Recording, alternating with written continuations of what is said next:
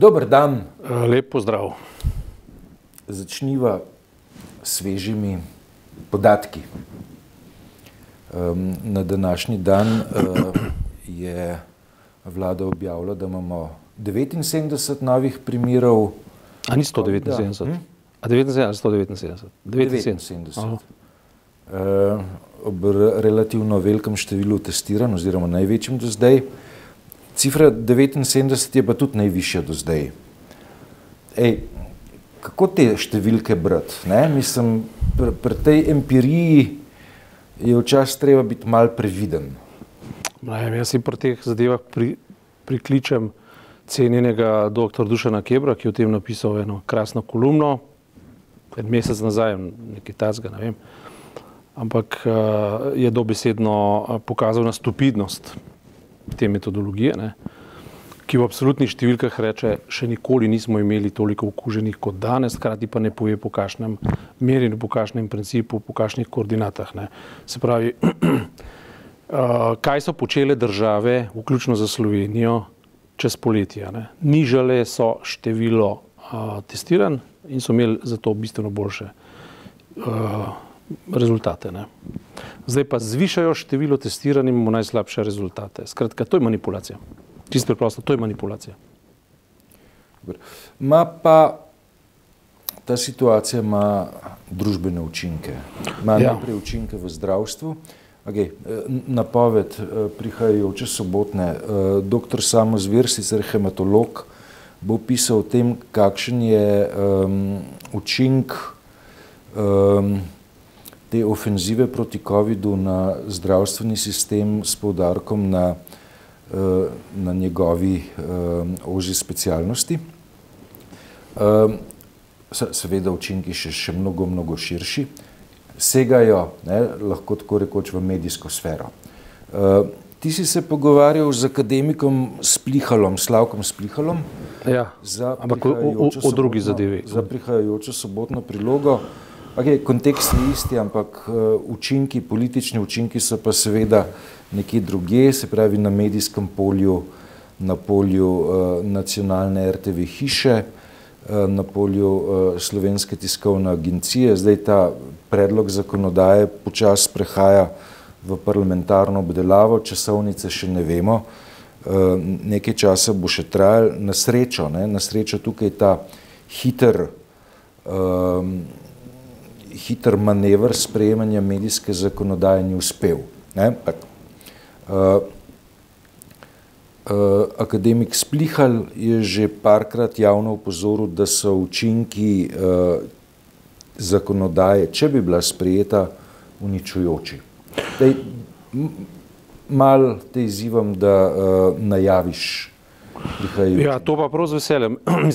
to je bil izredno zanimiv intervju izredno uh, tudi širše družbeno nekako konotiran, osredotočen pa na pojem javnega prostora in iz javnega prostora naprej na, na družbo kot tudi državo, moderno državo in pa seveda na naš nacionalni interes. Ampak ne v negativnem, ampak v pravem pomenu besede. Nacionalni interes naše države je, da uh, zdaj v tistem začetnem uh, pojmovanju samobitnosti ne, opredelimo kot nekaj, kar, po čemer smo mi med modernimi državami drugačni kot so druge države. To je brez dvoma jezik, ne, da bi ta jezik omogočil zadaj postavimo kulturo, postavimo družbene odnose in pa postavimo neko družbeno obče veljavnost. Tukaj bi bilo s COVID-om mogoče primerjati. Ne. Če zakon ni obče veljaven, potem ni nič vreden in pri COVID-u je tako. Ni obče veljaven za bogate, je drugačen kot za revne, za, za, za, ene, za določeno obdobje je drugačen kot za druga obdobja in tako naprej. No in v tem primeru je v bistvu napad na javni prostor kot napad na zadnje uh, utrdbe uh, javnega prostora, to sta v tem primeru zdaj pač RTV pa STA, ne v podrednem pa seveda tudi delo dnevnik večer, skratka tisk, ne, ki tudi zaseda javno prostor, pri čemer je v še težjem položaju, ker je, ker je sam na trgu. Ne, je pokazal uh, pač profesor Splihal na to, na to logiko, ki po eni strani se sklicuje na, v negativnem govorim zdaj, se sklicuje na uh, pluralizem, vendar uničuje raznovrstnost. Kaj to pomeni, naj si bralstvo samo pogleda, jaz samo namignem. Ne? monopol nacionalne televizije v bistvu omogoča, da, oziroma zavezuje z zakonom, ne, da raznovrstne kulturne skupine, družbene skupine, eh, razno razna področja pridejo do predstavitve, se uveljavljajo na, na, ja, v javnem prostoru preko javne televizije, medtem ko je pa obratno, tako imenovani pluralizem televizij in drugih zlasti in predvsem sto odstotno tujih televizij, ker televizija je samo ena nacionalna, druge so pa v glavnem tuje, ki so ponudniki nekih programov, zato da bi maksimirali pravi profesor, ne, da bi maksimirali občinstvo in s tem profit, ne, v bistvu vsi v isto slepo ulico zahajajo, ne, nižajo standarde, zato da bi dosegali populum in na koncu koncev raznovrstnost pade. Zelo zanimiv brat, ne, ki ga on razdela. Mal dialektičnega uma, Čist, da to, to, je, to, je, znaš, ne? to, je nekaj, to, je, to je nekaj zelo, zelo uh, finga, primernega za nadaljno obdelavo, potem pa širše družbene problematike, ki pa je vezana seveda na kapitalske interese, politične interese in potem sva šla v primerjave z tem, um, kaj, kam, kam pripelje neka logika, ki je, ki je ta trenutek še ne moramo videti, ker se še ni razvila, njen, ampak njeno končno postajo lahko vendarle zelo jasno vidimo samo tako, da jo iz Ljubljane preselimo na Mačarsko, ker gre pač v isto smer, tam pa je že konč, na končni postaji. In kako, to, kako se ta stvar razvija, in seveda pride do, do sklepa. Ne? Tisto, kar, je, kar mi dva itak skozi poudarjajo, pa mislim, da je dobro, da se na širšem vzorcu začne uh, vzpostavljati tudi kot gibanje, kot misel in kot angažma. In sicer, ne, demokracije brez tiska ni. Preprosto ga ni. Ne? Zakaj? Zato, ker tisk je v modernih državah spostavljal prvič moderno državo, duha moderne države, artikuliral je um, pač človeka kot posameznika, skratka vse postulate sodobne civilizacije, ki jih imamo. Ne? Vse drugo je, uh, uh, kar gre proč od javnega prostora in proč od javnega prostora gre logika kapitala in proč od javnega prostora gre logika populizma je v bistvu odhajanje ven iz moderne države in pravzaprav uničevanje samobitnosti, v tem primeru slovenske samobitnosti. In ko to povežemo, kar je profesor tudi seveda storil, ne, s tem, ne, da se v proračunskih postavkah od, od, oduzema kulturi vem, 8 milijonov, znanosti 20 milijonov in vsem tem um, področjem, ki v bistvu vzpostavljajo diferencijo specifiko slovenske države nasproti drugim modernim državam. Vse moderne države imajo neko skupno, jasno, neko skupno, skupni imenovalec, ki se reče ločitev v oblasti, demokratična ustava, na, postulirana na, na temeljih človekovih pravicah in tako naprej. Ampak o čem pa je samobitnost slovenske države kot nacije? Ne? Samobitnost je preprosto v tem, da se oblikuje znotraj nekega kulturnega nabora, nekega pojmovanja, ki je v nekem jeziku in to je v slovenskem jeziku. Ne? In uničevanje lastne produkcije zdaj konkretno čez eh, uničevanje nacionalne radiotelevizije. Lastne umetniške produkcije, jo, za katero je nacionalna radiotelevizija zadolžena. Min grede, ja. zasledil sem podatek, veš, da na leto ta inštitucija posname okrog 400 glasbenih dogodkov. Ne? E, ker je To je čestitljivo. Ja, zdaj, ker je, ker pazi, je osobljivo visoka številka. Nekaj moramo zavedati, ampak to pomeni, da 400 enot nekih glasbenih dogodkov, tako ali drugače pride v televizijski ali pa radijski eter. Ne? Nek, nekaj, nekatere stvari moramo ugotoviti. Ali, ali smo v splošnem za nacionalno televizijo zadovoljni ali nismo. Deloma smo, deloma pa nismo. Ja. To se pravi, televizija je veliko pripomogla k temu, da se je ugriznila v lasten rep. Tukaj ni debate.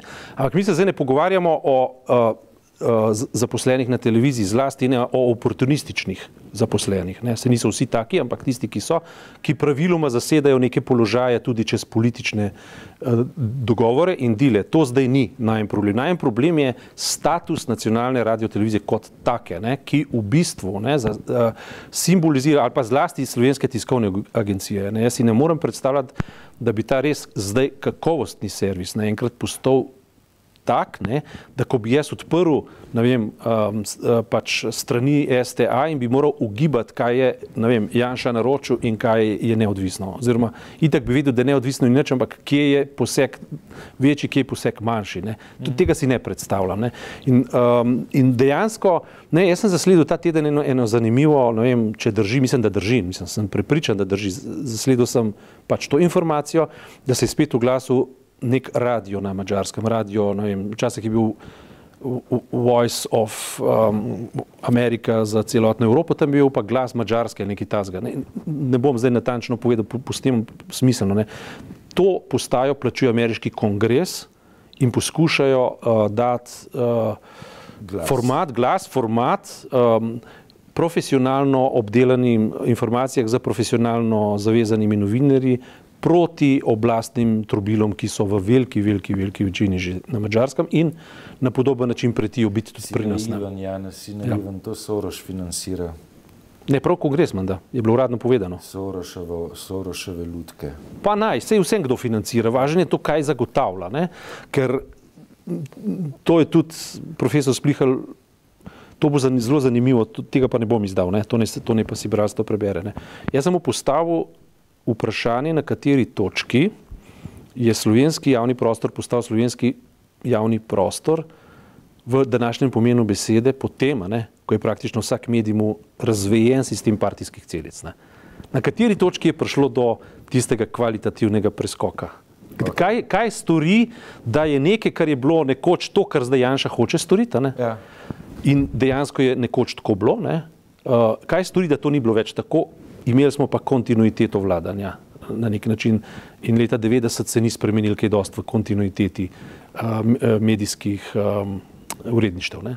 Lej, tukaj se ne bom s tabo strinjal. Ne? ne, to je bilo vprašanje, to ni ja, trditev. Okay, ja. To je vprašanje, na katerega smo mi dva iskala odgovor. Lej, to, bom navezal. Ja. V današnjem delu imamo uh, besedilo o tem, kako je uh, Eh, časopis, za katerega mi dva takrat seveda nisva delala in se zdaj le malo stojim pirjen kitva. Ja. Kako je ta časopis opustil leta 89 geslo proletarci vseh dežel združite se in kako je 10. decembra 1990 uveljavil novo geslo samostojen časnik za samostojno Slovenijo. Ne, zdaj, ta poteza izvedena uh, aprila, konca aprila leta 1989 Mm, ko se opusti geslo proletarci vseh dežel, združite se, je bila drzna in pogumna. Izvedel jo je tedanji odgovorni urednik Tit Dobršek, ne da bi kogarkoli kaj sprašval.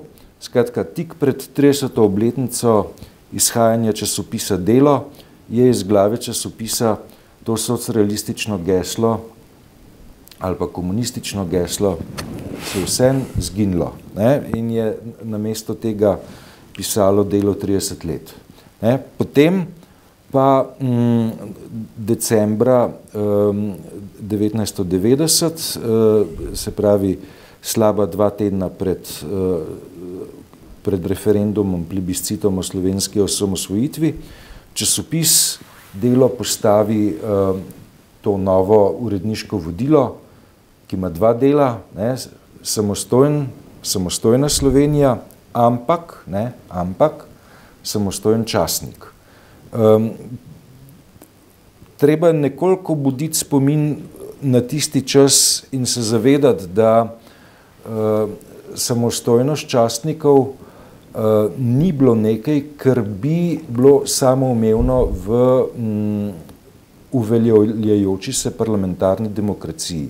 Bile so tudi ideje, da um, bi nova politična elita pravzaprav eh, časopise, nacionalne časopise, nacionalizirala, spravila pod politični nadzor in uh, si na tak način uh, zagotovila uh, nov vzvod uh, političnega vpliva. Ne?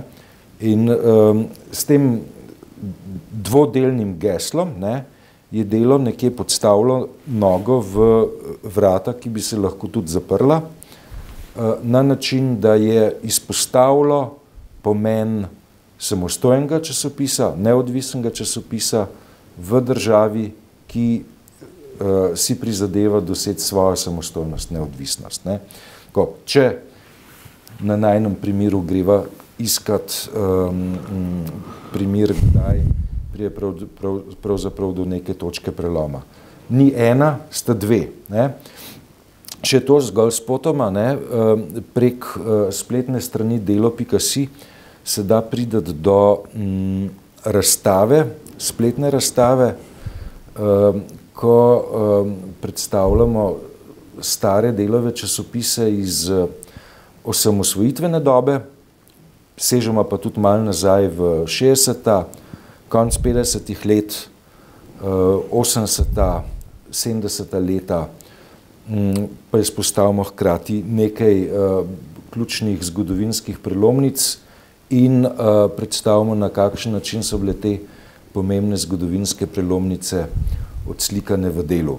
Tako, ej, zadnja, ki vem, da me hočeš to vprašati, je, ko se Primoš Roglič obleče v rumeno majico na letošnjem turu. Ne, to je zgodovinski dogodek.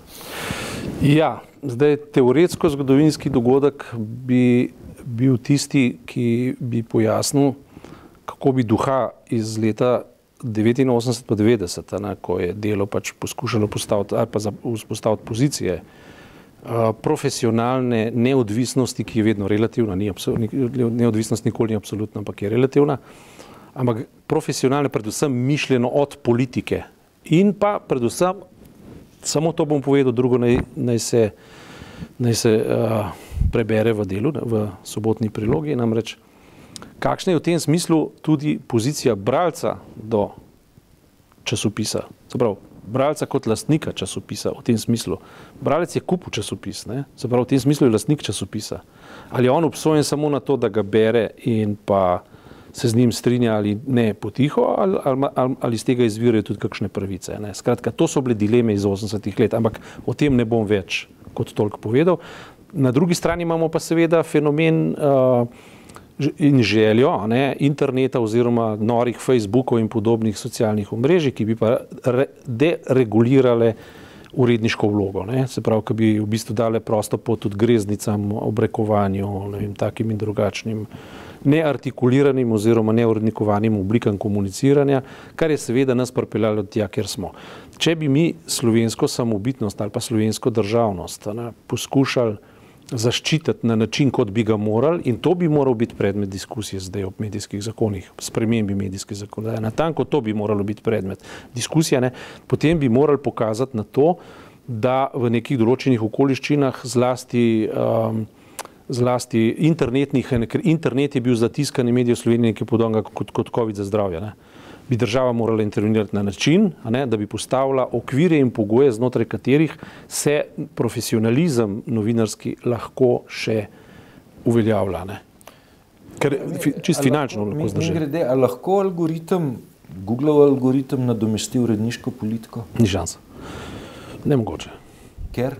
Iz istih razlogov, kot ti kot starš otroka vzgajaš in ga ne pustiš Googlovemu algoritmu, ne? se pravi, ti kot starš prevzemaš odgovornost svoje vloge, ti kot učitelj v šoli prevzemaš odgovornost svoje vloge, ti kot profesor na univerzi, fakulteti prevzemaš odgovornost svoje vloge, zakaj potem enostavno na univerzi ne naredijo enega superračunalnika, pa algoritmirajo pač vednost. Ne gre. Ne? To, so, to so stvari, ki morajo biti podvržene nekim duhovnim procesom, intelektualno-duhovnim procesom, ki morajo biti, in zato so tudi eksperti na svetu, da filtrirajo nepomembnega od pomembnega. In v, ne zaupaš umetni inteligenci.